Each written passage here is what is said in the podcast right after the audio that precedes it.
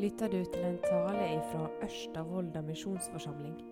Om du vil vite mer om denne forsamlinga, kan du gå inn på øvm.no.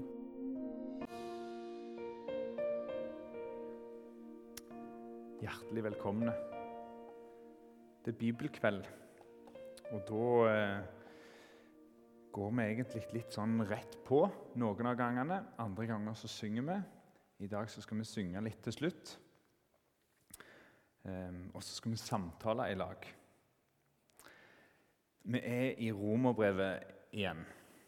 Og Forrige gang vi var i Romerbrevet, da var temaet uenighet i det kristne fellesskapet.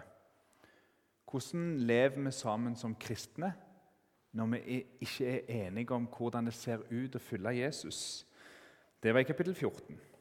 Før det så, så vi på hva Paulus hadde kalt oss som kristne at, oss, at, Gud hadde kalt oss til å leve i denne verden, og hvordan vi som kristne skulle leve i denne verden. I en verden som ikke tror på Han.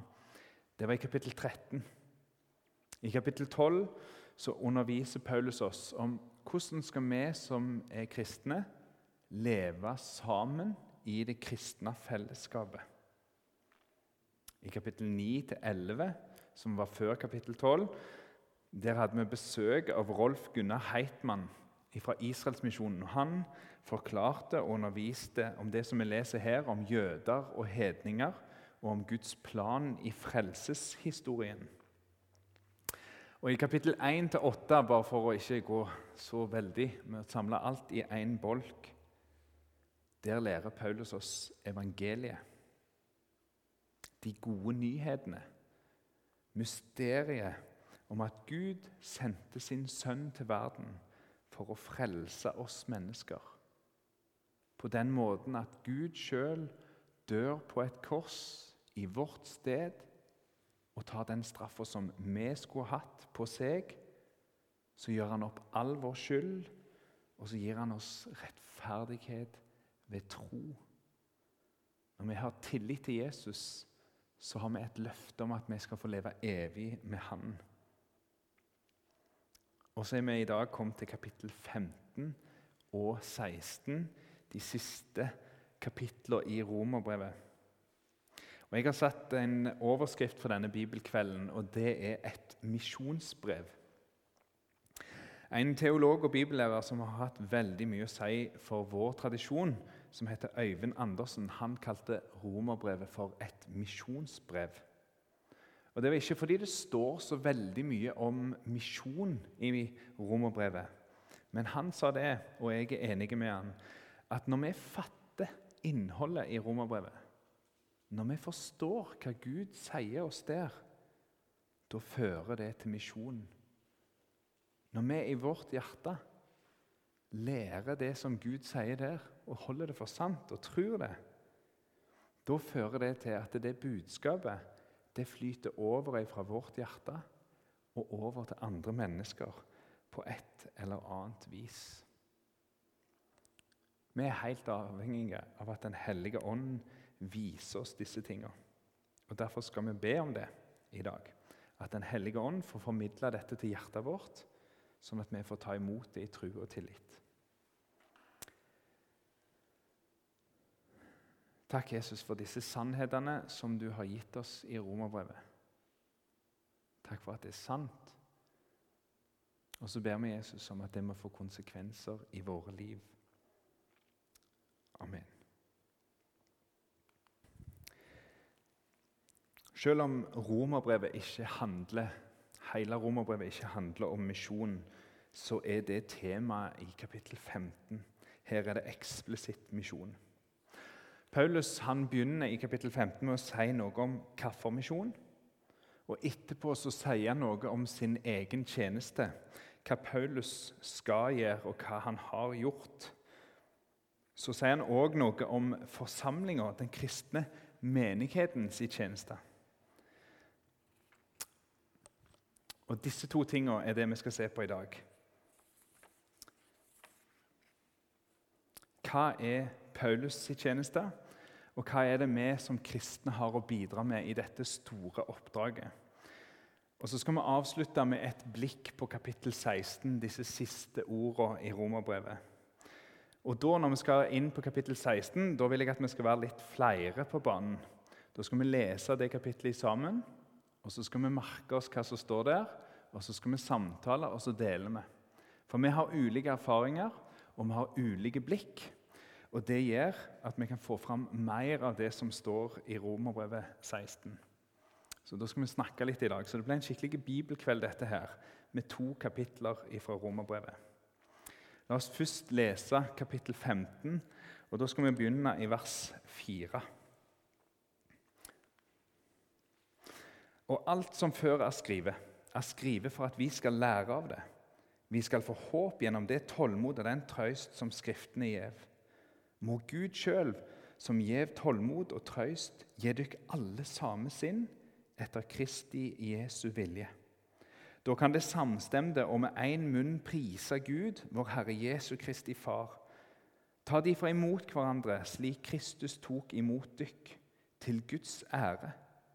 For det sier jeg dykk, Kristus ble en tjener for de omskårne for å vise at Gud taler sant, og for å stadfeste de lovnadene som fedrene fikk. Men òg for at heidningfolket skal prise Gud for hans miskunn, som det står skrevet. Derfor vil jeg prise deg mellom folka og lovsynge ditt navn. Og En annen sted heter det:" Gled dykk det folkeslag sammen med hans folk. Og enda en annen stad lovsyng Herren alle folk. Pris Han, alle folkeslag. Og Jesaja sier Isais rotskudd skal komme, og han som reiser seg og rår over folka. Til han skal folkeslaga sette si von. Må Gud, som gir von, fylle dykk med all glede og fred i trua så de kan være rike på von ved Den hellige andens kraft. Jeg har den tru om dykk òg, mine søsken, at det er fylt av det gode, og at det har kunnskap nok, så dere òg kan rettlede hverandre.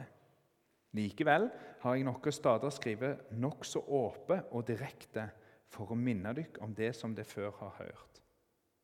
Jeg gir dere kraft av den nåde Gud har gitt meg, at jeg skal være Jesu Kristi tempelprest mellom folkeslagene. Min hellige tjeneste er å forkynne evangeliet, så folkeslagene kan bli ei offergave til glede for Gud ved Den hellige ande. I Kristus Jesus kan jeg være glad og stolt over denne tjenesten for Gud. Men jeg våger ikke å tale om annet enn det Kristus har gjort gjennom meg for å føre folkeslaget til lydnad dette har jeg fått gjøre med ord og i gjerning, ved mektige teiken og under og ved Andens kraft. Så har jeg fullført forkynninga av Kristi evangelium vidt omkring, fra Jerusalem og helt til Illyria. Jeg har alltid sett min ære i å forkynne evangeliet der Kristi navn ikke er kjent. Så jeg ikke skal bygge på en grunnvoll som andre har lagt, men som det står skrevet de som ikke har fått budskapen om Han, skal se, og de som ikke har hørt, skal skjønne. Det er dette som gang på gang har hindra meg i å komme til dykk. Men nå er, det gjøre, nå er det ikke mer å gjøre for meg i disse landene. Og i flere år har jeg lengta etter å komme til dykk, og så holde fram til Spania. Jeg voner at jeg skal få se dykk når jeg drar forbi og at det vil hjelpe meg med det jeg trenger til å reise dit når jeg først har fått gledd meg en stund i samværet med dykk. Men nå drar jeg til Jerusalem med hjelpa til de hellige der. Forsamlingene i Makedonia og Akaya har sagt at de vil samle inn en gave til de fattige mellom de hellige i Jerusalem. Det vil de gjerne gjøre. De står òg i gjeld til dem. De skylder å hjelpe dem med materielle gaver når de sjølve som heidninger har fått del i deres åndelige gaver. Når jeg har fullført dette, og fruktene av innsamlinga godt og vel er i deres hender, da reiser jeg til Spania og legger veien om dykk. Og jeg vet at når jeg kommer til dykk, da skal jeg komme med en rikdom av Kristi velsigning. Jeg legger dykk på hjertet, søsken, ved vår Herre Jesus Kristus og ved Andens kjærleik. Strid sammen med meg ved å be til Gud for meg. Be om at jeg må bli berga fra de vantruende i Judea, og at de hellige i Jerusalem må ta vel imot den hjelpa jeg kommer med.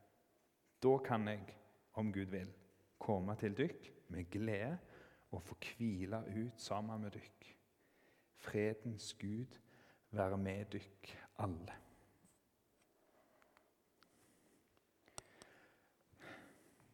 Hvilken misjon? Helt i begynnelsen av kapittel 14 der siterer Paulus Det gamle testamentet. Og Så sier Paulus at Skriftene, Det gamle testamentet, det er skrevet for at vi skal lære av det, og at det skal gi oss tålmodighet og trøst. Og så er det akkurat som han sier og du, Når jeg først er i Det gamle testamentet, vet du hva annet som står der? Og så vil han forklare oss at når Kristus kom, når Jesus ble en tjener som tjener deg og meg gjennom sitt liv, sin død og sin oppstandelse, da gjorde han det av to grunner.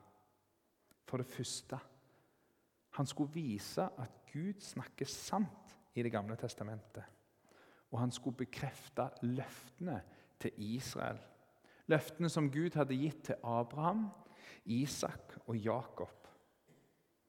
Hvis du setter deg ned og så leser du Det gamle testamentet fra begynnelsen og til slutt, om hvordan Gud utvalgte seg israelsfolket, hva løfter han gir dem, og hvordan han har redda dem fra Egypt og så redda dem fra Babylon, så vil du allikevel sitte og være litt i stuss når du kommer til slutten. Det er noe som mangler. For det peker fram mot noe, Det gamle testamentet om ei frelse, om en som skal komme og berge israelsfolket. Men når du kommer til siste boka i Det gamle testamentet, så har han ennå ikke kommet. Og så er det inn i dette vakuumet, den forventningen, at Jesus Kristus kommer. Gud sin egen sønn kommer for å frelse Israel, for å ta vekk syndene deres. I han er løftene oppfylt. Det er den ene grunnen til at Jesus kom. Og Den andre grunnen det er noen andre linjer som vi finner i Det gamle testamentet. Hvis du leser i Det gamle testamentet, så ser du at det er et enormt fokus på Israel, Guds folk. Om Guds omsorg og sin ivrige omsorg og kjærlighet for dette folket. Og Samtidig så er det noen piler som peker utover og noen få, noen helt få av disse pilene siterer Paulus når han leser Derfor vil jeg prise deg mellom folka og lovsynge ditt navn. Det er fra Salme 18, vers 50. Og en annen stad heter det Gled dykk, det folkeslag, sammen med hans folk. Det er fra 5. Mosebok, kapittel 32, og vers 43. Ordlyden der er litt annerledes, men det er pga. oversettelsen. Dette ble sagt 1300 år før Jesus kom. Og en annen stad lovsyng Herren, alle folk. Pris Han, alle folkeslag. Det står i Salme 117, vers 1. Og Jesaja sier Isais rotskudd skal komme, han som reiser seg og rår over folka. Til han skal folkeslaga seg i von. Det er noe mer enn Israel.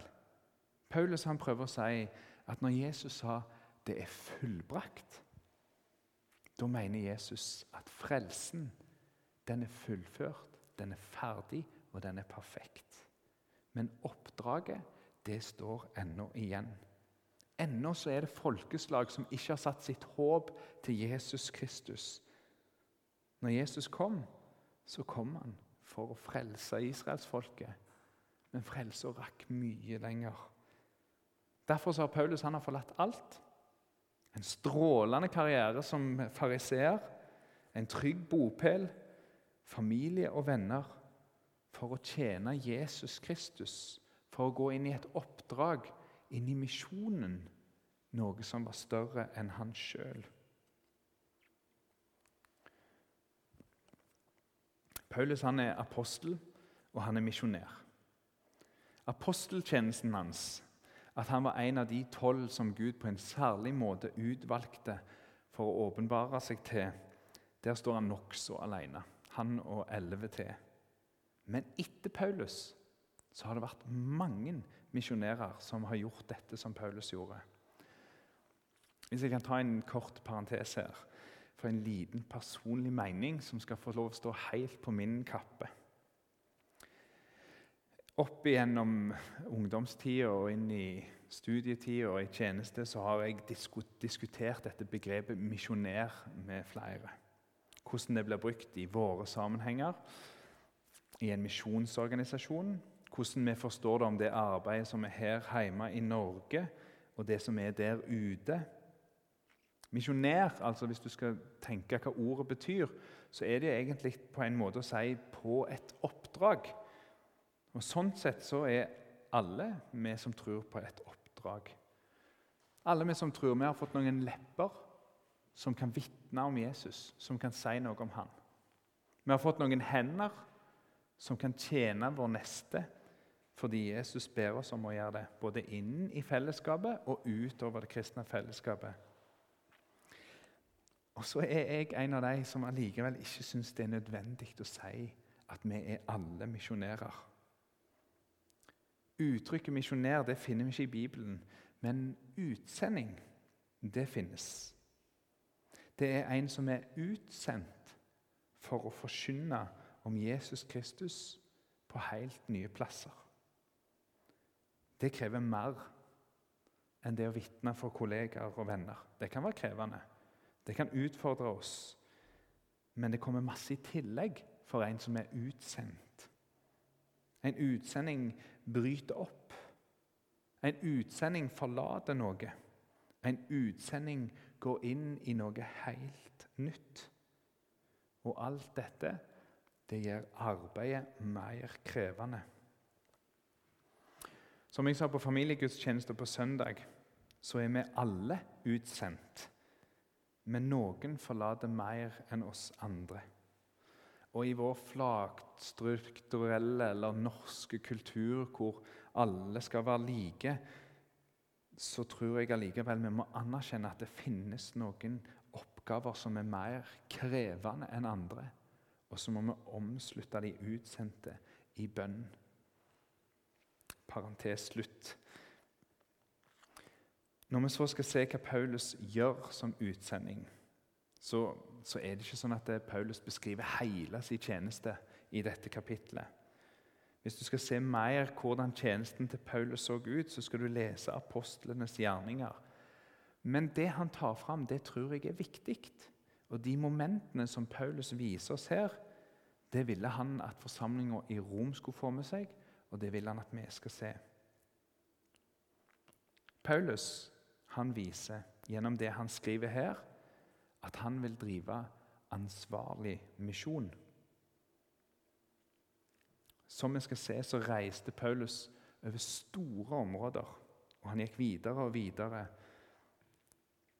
Men gjennom brevene sine og gode medarbeidere, ved å innsette ledere på de plassene han var, så sørga han for at de kristne som var på de forskjellige plassene, de fikk opplæring i trua. De fikk oppfølging.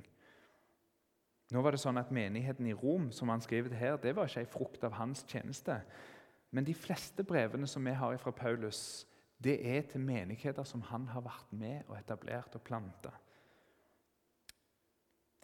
Det viser oss at misjon er et byggende arbeid og det tar tid, og det krever oppfølging, og det vil Paulus gjøre. Og så syns jeg det er befriende å lese at Paulus i Kristus Jesus både er glad og stolt over denne tjenesten. Hvis du leser i andre brever og i apostelens gjerninger alt det som Paulus må lide for denne tjenesten her Alle de vonde tingene som han går igjennom så er det et voldsomt vitnesbyrd i det som han sier her. At han likevel er glad og stolt av denne tjenesten. Men det er en tjeneste å glede seg over.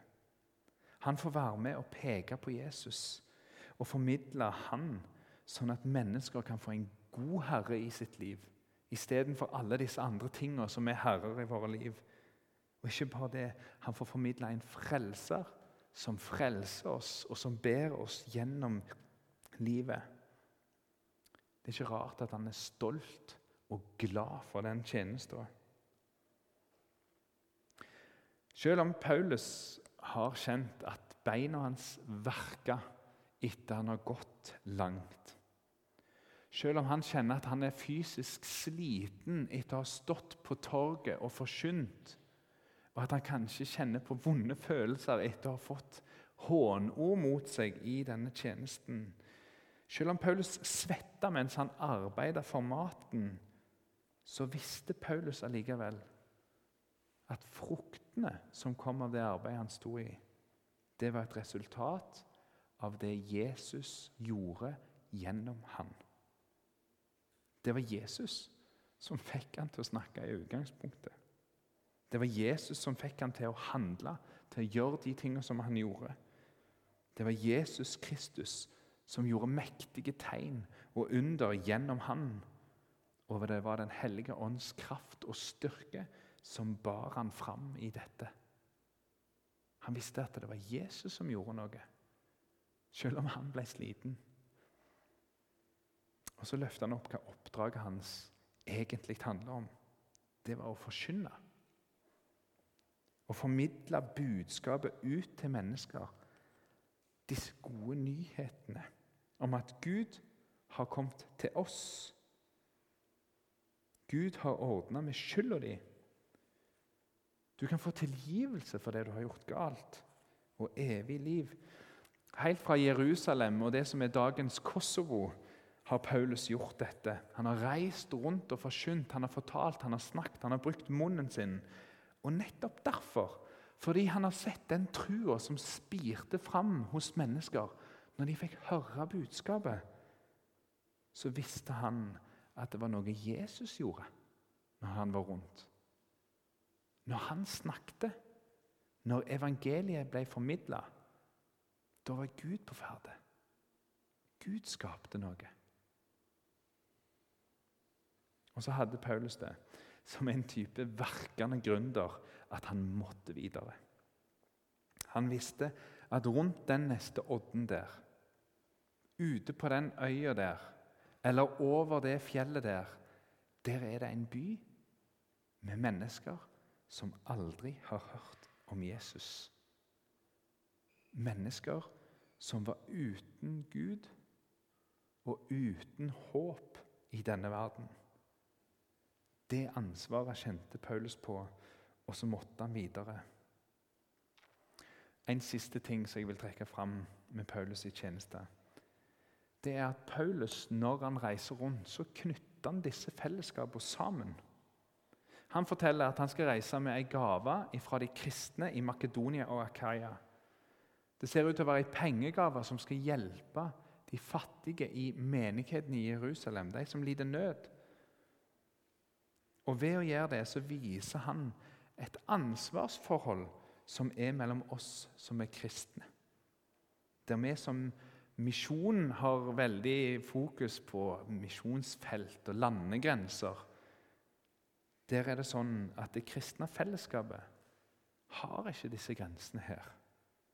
Det er ikke noen sånne grenser som skiller oss.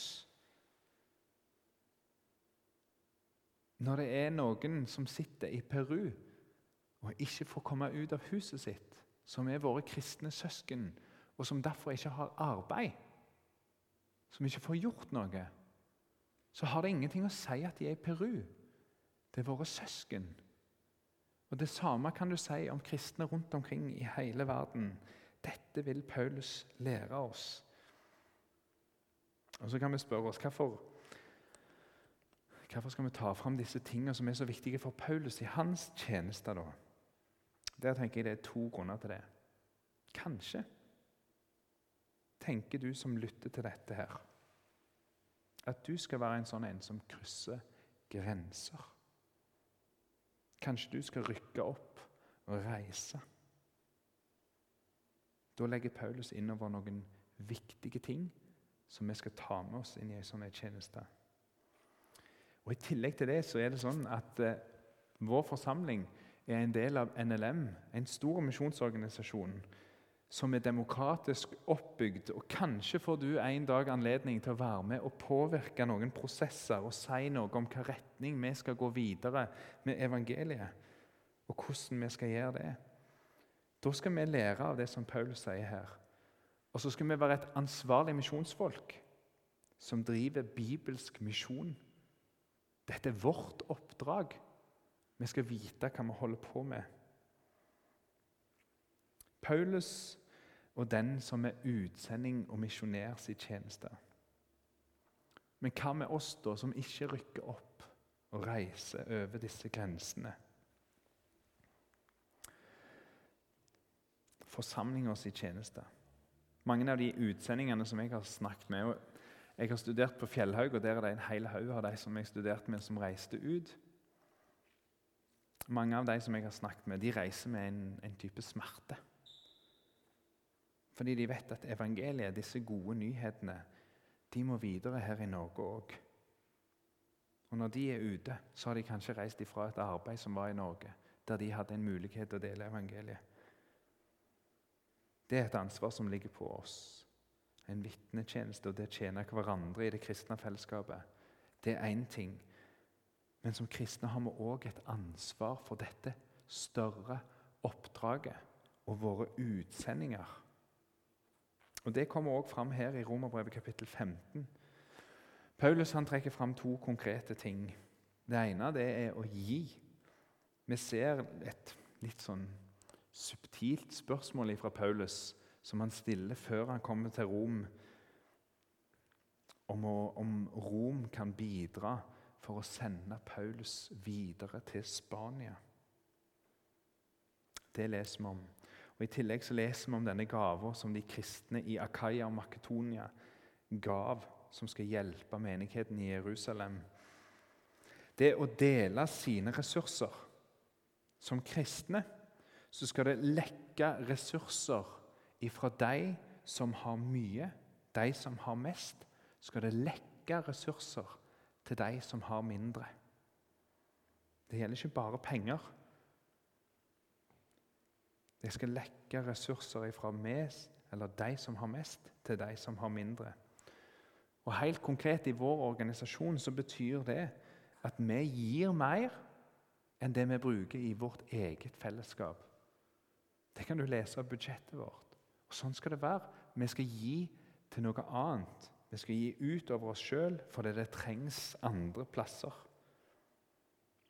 Og Så legger Paulus det inn over forsamlinga at de må be for ham. Be for meg, sier Paulus her, og det gjør han mange andre plasser òg. Paulus han er spent. Det ser ut til at han gruer seg for å komme til Rom. Han er spent på hvordan han skal bli mottatt, både av de troende der. Hvordan skal forsamlinga ta det når de får ei gave her nå? Og så er han spent på hva de skal gjøre, de som ikke tror. Og Så lukker Paulus romerne inn i dette her. Og så sier han, 'Kjemp denne kampen sammen med meg.' Be til Gud for meg. Snakk til Gud. Rop til Gud om at han må være med i dette som jeg nå skal inn i. Be og gi. Det er det å være en sendemenighet. Og så er det ikke sånn at noen skal gå og så er det noen som skal be og gi. Det er en litt forenkla måte å si det på. Nei, på et vis så skal vi alle gjøre alt. Men så har jeg tenkt litt på det i det siste. Kanskje er det rett å si allikevel at det er noen som får et særlig kall. En særlig utrustning og en særlig tjeneste med det å være evangelist og utsending helt i frontlinjene. De skal gå litt lenger, og så skal vi hjelpe hverandre her. Og så er det nettopp pga. disse tingene her at vi har disse misjonærbrosjyrene her. Våre utsendinger, står det her. Det er derfor vi har dem. Det er derfor vi har denne bønnefolderen her. med oversikt over de utsendingene som er reist ut ifra, ifra vår region. Det er derfor vi driver og viser misjonsinformasjon på gudstjenestene våre. Noen kan kanskje tenke at det handler om NLM-propaganda. Noen ganger kan vi tenke det alle og enhver. Men det er ikke derfor vi har det. Vi har det fordi vi er en del av et større oppdrag. For at vi skal være med og be for de som reiser, for de trenger det. Paulus trengte det. Våre utsendinger som er ute, trenger at vi ber. Derfor vil vi vite. Vi vil vite her hva er det dere trenger forbønn for. Hva er det dere trenger at vi er med og ber til Gud for? Og Så trenger vi å bli minnet om hva er det de tingene vi gir. Hva er det vi får være med og støtte og bære? Det er godt at Paulus minner oss om dette i Romerbrevet 15, som ikke bare ender opp med en organisasjon. For det var ikke det som var poenget. Det var et misjonsoppdrag som var større. La oss ta det med oss. Vi er kalt til å sende. Og kanskje kjenner du på at du skal være en utsending. Snakk med noen om det. Ta det opp med noen søsken som du har tillit til. Og Kanskje skal du krysse noen grenser, sånn som Paulus. Amen.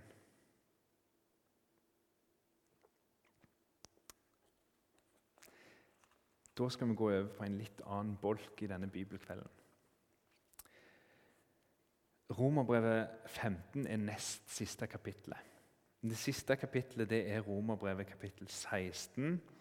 Det er ikke like innholdsmetta som Romerbrevet 15. Det hadde kanskje gått å ha en bibeltime om det. Det er noen momenter der å ta med, men jeg tror vi kan ta den på denne måten her. At vi leser det sammen. Og så deler vi litt med hverandre de tingene som vi ser i Romerbrevet kapittel 16. Om det mot formodning skulle bli helt taust etterpå, så har jeg et par ting som jeg har lagt merke til der. Men det tror jeg ikke. Jeg tror vi har flere ting som vi kan dele. Nå skal jeg prøve å lese det for oss. Eh, det kommer her, det òg.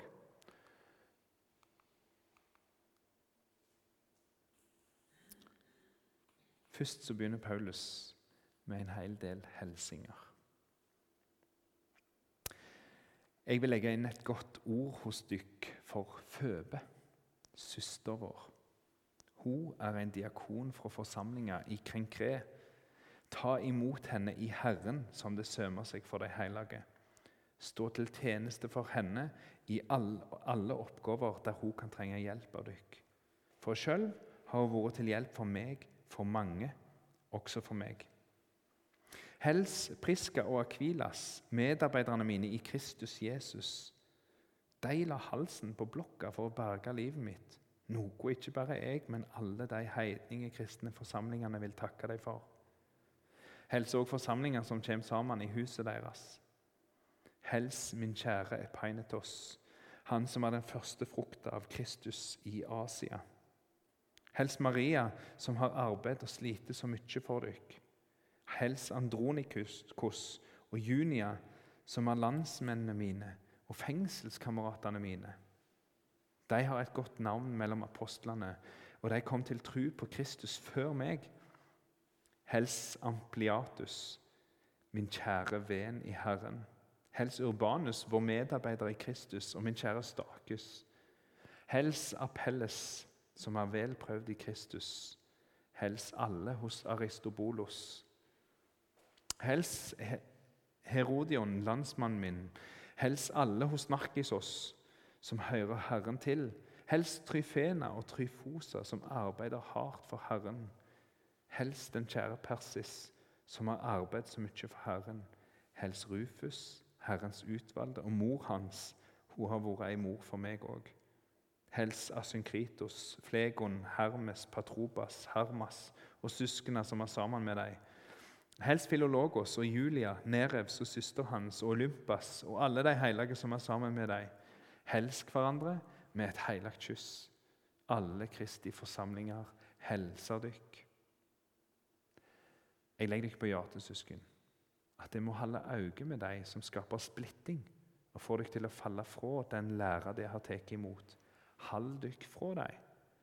Slike mennesker tjener ikke Herren Jesus Kristus, men sin egen mage. Med fine ord og lukkende tale forfører de slike som er godtruende av hjerte. Men alle har hørt om lydnaden deres, og derfor gleder jeg meg over dere. Jeg vil at dere skal være kloke i det gode og uskyldige i det vonde.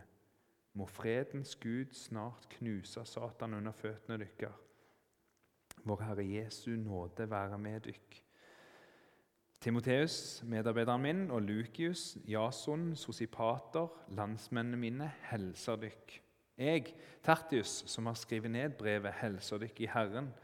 Gaius, som har vært for meg, og hele forsamlinga, helser dykk. Erastos, regnskapsføreren i byen, helser dykk. Like ens Kvartus, bror vår. Vår Herre Jesu Kristi nåde være med dykk alle. Amen. Lova være Gud, Han som har makt til å styrke dykk ved mitt evangelium, budskapen om Jesus Kristus, etter åpenbaringa av det mysteriet som har vært løgnt fra evige tider, men som nå er kommet for dagen, gjennom profetiske skrifter og etter påbud fra den evige Gud er dette mysteriet kunngjort for alle folkeslag for å føre dem til lydnad i tru. Han, den eneste vise Gud, være ære ved Jesus Kristus i all eve. Amen.